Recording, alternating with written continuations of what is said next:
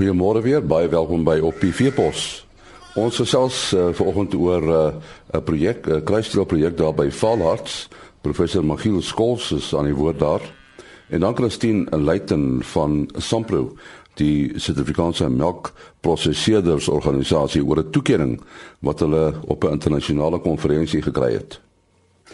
Uh, professor Magiel Skols is 'n spesialis navorser in toegepaste diereteeling by die LNR diereproduksie instituut by uh, Irene en ons wil 'n bietjie met hom praat oor die valhartskruisstelingsprojek.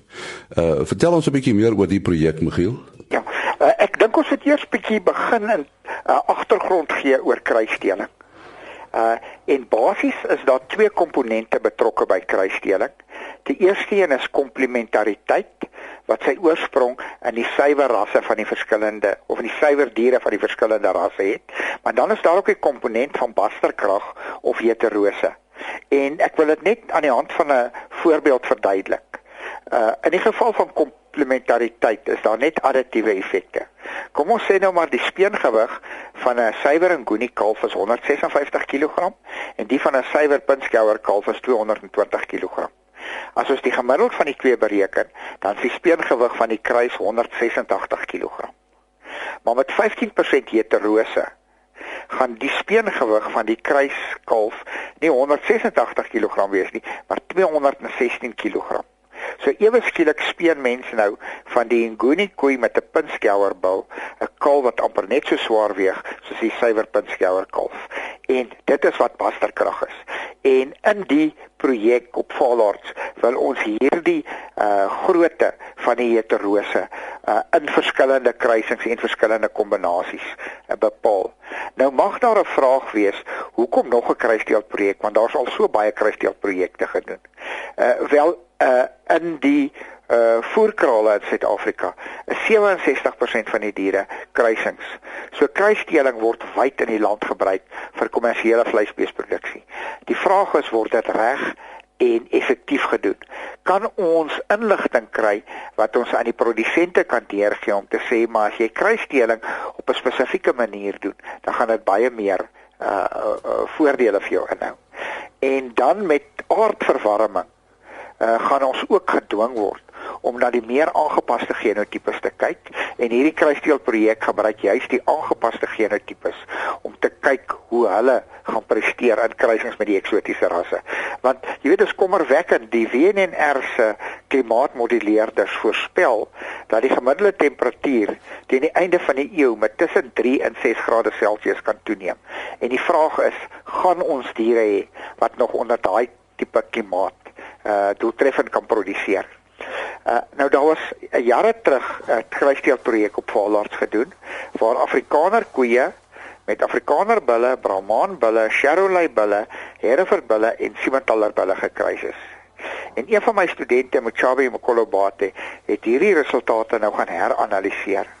En sy het gevind as mens die F1 Afrikaner koei, so dis nou 'n Afrikaner Brahman, Afrikaner Charolais, Afrikaner Hereford of Afrikaner Simmentaler, as mens daai F1 kruisraskoei gebruik, dan kan die koei doeltreffendheid met tussen 28% en 46% verhoog word. En ons het koei doeltreffendheid gedefinieer as die kilogram kalf gespeen per grootvee eenheid per koei gepaar.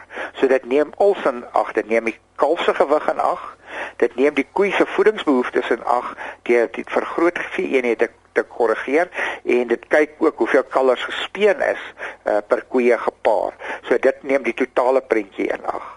En dan het ons onlangs ook 'n projek, 'n kruisdeelprojek op Valarts gedoen waar ons Angus bulle op 'n Goonie koeie gebruik het. En hierdie in die geval van die halfkruiskalvers het die koei produktiwiteit met 25% verbeter. So daar's aanduidings dat kruisdeling uh wel 'n uh, 'n uh, dramatiese verbetering in koei uh, produktiwiteit teweeg kan bring. Maar kom ons kom nou na die uh, nuwe kruisdeelprojek op Valarts. Ons gaan hier eerstens die drie landrasvleisrasse gebruik wat die Afrikaner, die Bonsmara en die Nguni is. en ons gebruik hulle as aangepaste genotipes. Hoopelik gaan ons volgende jaar die Brahman byvoeg dat ons drie inheemse aangepaste genotipes en een uh genotipe uh van die buiteland wat ook aangepas is. En ons gaan wil hierdie uh in die geval van die Afrikaner ons Mara en Nguni.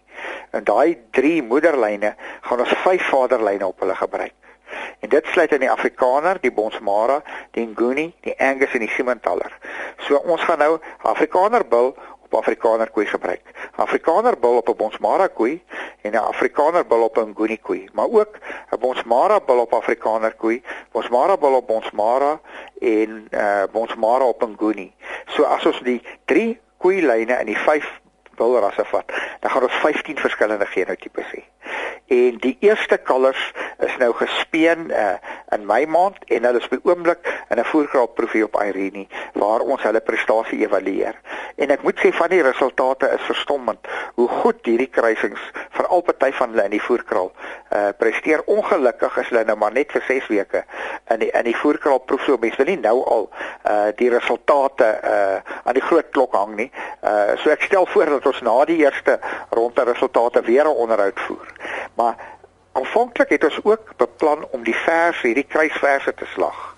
Maar nou is die veral na Mochabi se uh, resultate het ons gevoel ons moet hierdie F1 verse uh, gebruik in 'n drie ras kruising waar ons die kruisras vers gaan paar met 'n derde ras soos byvoorbeeld die limousine of 'n ander ras. Uh want dan kan ons die waarde van die kruisras koei ook bevestig. Uh en in die geval van die verse gaan ons daar 12 genotipes hê. Ons gaan 'n genotipe hê waar die vader 'n uh, Afrikaner was en die moeder 'n Nguni. Maar ook 'n genotipe waar die vader 'n Nguni was en die moeder 'n Afrikaner. So ons gaan elke keer die resiproke kruising sien. So ons gaan Afrikaner en Nguni en Nguni Afrikaner. Afrikaner Brahman, Brahman Afrikaner. Brahman en Nguni, Nguni, ag Brahman Bonsmara en Nguni, Nguni Bonsmara, maar dan ook Angus Afrikaner, Angus Bonsmara, Angus en Nguni en ook Simmentaler Afrikaner, Simmentaler Bonsmara en Simmentaler en Nguni. So dan gaan ons 12 verskillende uh, koeiras genotipes hê wat ons dan ook die uh, effek van die verskillende genotipes op die koei produktiwiteit uh, kan evalueer want ongelukkig uh, word koei produktiwiteit uh, tans nog afgeskeep en die grootste komponent van koei produktiwiteit is kalfpersentasie en ons selekteer vir als behalwe kalfpersentasie. Dis waarskynlik hoekom die beraamde kalfpersentasie in die Suid-Afrikaanse kommersiële bedryf maar net 65% is. En die vraag is kan ons as ons die geskikte moederlyne uh in kruising gebruik kan ons nie hierdie kalfpersentasie opstoot na sê net maar 75 of 80% nie wat ook 'n groot effek gaan hê op die koolstofvoetspoor van vleisproduksie. Nou ja, ons sal beslis uh, weer met uh, met professor uh, Michiel Skols praat as die proef nou verder verloop het. Ons sê vir hom baie dankie. Hy is spesialis navorser in toegepaste diereteeling uh by die LNR se diereproduksie instituut. Ons uh, gesels nou met Christine Luiten van Sampro. Nou Christine sit daar met 'n breë glimlag want uh, hulle verbruikersvoorligtingsprogram het nogal 'n belangrike toekenning gekry uh, in die afgelope dae. Vertel ons meer daarvan Christine. Ehm um, môre nie, uh, dankie uh, vir die geleentheid. Ja, ons uh, projek het ehm um, 'n toekenning gekry by die internasionale Suiwel Federasie se wêreldsuiwelberaad wat hierdie jaar in Vilnius in Lithuanië gehou was. En uh, die die die die toekenning was vir ons televisie en digitale uh, sosiale media veldtog uh, wat spesifiek gerig is op tieners. En uh, ons was regtig bevoorreg om hierdie hierdie ehm um, die toekenning te kry. Hoekom is dit nou spesifiek op tieners gemaak? Ons dat tieners is 'n teikenmark wat elke manier kan bereik omdat hulle uh, homogeen is in hulle hulle gewoontes en 'n manier hoe hulle optree en dis ook 'n stadium in hulle lewe wat hulle gesondheids uh, gewoontes aanleer. So as jy op hierdie ouderdom al hulle aanleer om ehm um, suiwel as deel van hulle dieet in te sluit, dan sal mens dan al hoop en glo dat dit dat dit dit ook in hulle ouer uh, as as ouers later en as in 'n volwasse lewe dan ook die ehm um, suiwel sal gebruik. En en wat het julle presies gedoen om hierdie boodskap oor te dra? Maar on, in die televisie ehm um, uh, advertensie het ons probeer om suiwel uit die uh, kombuis uit te, te neem. Ons het mos suiwel altyd in die mens sou dink jy drink 'n glas melk of jy sit op jou ontbytgraan of so iets. En ons het besluit ons gaan dit uit die kombuis uitneem en dit in die spasie sit waar die ehm um, tieners hulle aktiwiteite doen. Soos byvoorbeeld in sport of in musiek of in mode. So en dit so, daar ons drie advertensies in hierdie veld tog. Het dan spesifiek het ons Dusty wat wat 'n atleet is, ons het Stix wat 'n drummer is en dan is Loretta wat die, die spesifiek hierdie veld tog uh, die toekenning toekenning gekry het en sy is 'n uh, modemodel wat dan 'n uh, uh, interessante inter, uh, advertensie daaroor is. Ja. Uh, daarbey gevoeg het ons dan ook uh, die sosiale media uh, um, veld tog was op Facebook wat ons dan vir die tieners gevra het om 'n selfie te plaas van hulle soos ons dit noem die outfit of the day om dan die modeontwerper van ehm um, Loretta Rush die die die model dan te help om haar uh, kas of haar klerekas te te beplan. Kon julle meet of of die uh, veldtog enige effek gehad het met ander woorde uh, dat tieners meer melk gebruik? Weet jy ons meet nie op hierdie stadium of tieners meer melk gebruik nie. Ons kyk maar na die na die dat die uh uh dat die, dat die bewuswording van die suiwel en die feit dat hulle gereageer het op die kompetisie en aan die kompetisie is aanhoudend van hy hou aan van die elke jaar van die, van Januarie af en elke maand kry ons nog heelwat uh, inskrywings en dan kry hulle 'n prys uh, uh, voucher wat hulle by um, sportsien kan gebruik. So die feit dat hulle nog steeds deelneem maak vir ons die bewuswording is vir ons baie belangrik. Ehm um, deel van die wat van die uh, veldtog is dan ook wat ons noem 'n microsite. En op die microsite gee ons die opvoedkundige boodskappe. So die tiener wil nie ehm um, jy kan nie aan die tiener dikteer dat hulle moet nou sy wil gebruik nie. So ons kom met die die bewuswordings ehm um, of emosionele uh, element van die van die uh, veldtog wat die televisie is en die social media en dan gaan ons oor na die uh, die meer opvoedkundige boodskappe wat ons op die Dairy Gives You Go webwerf plaas.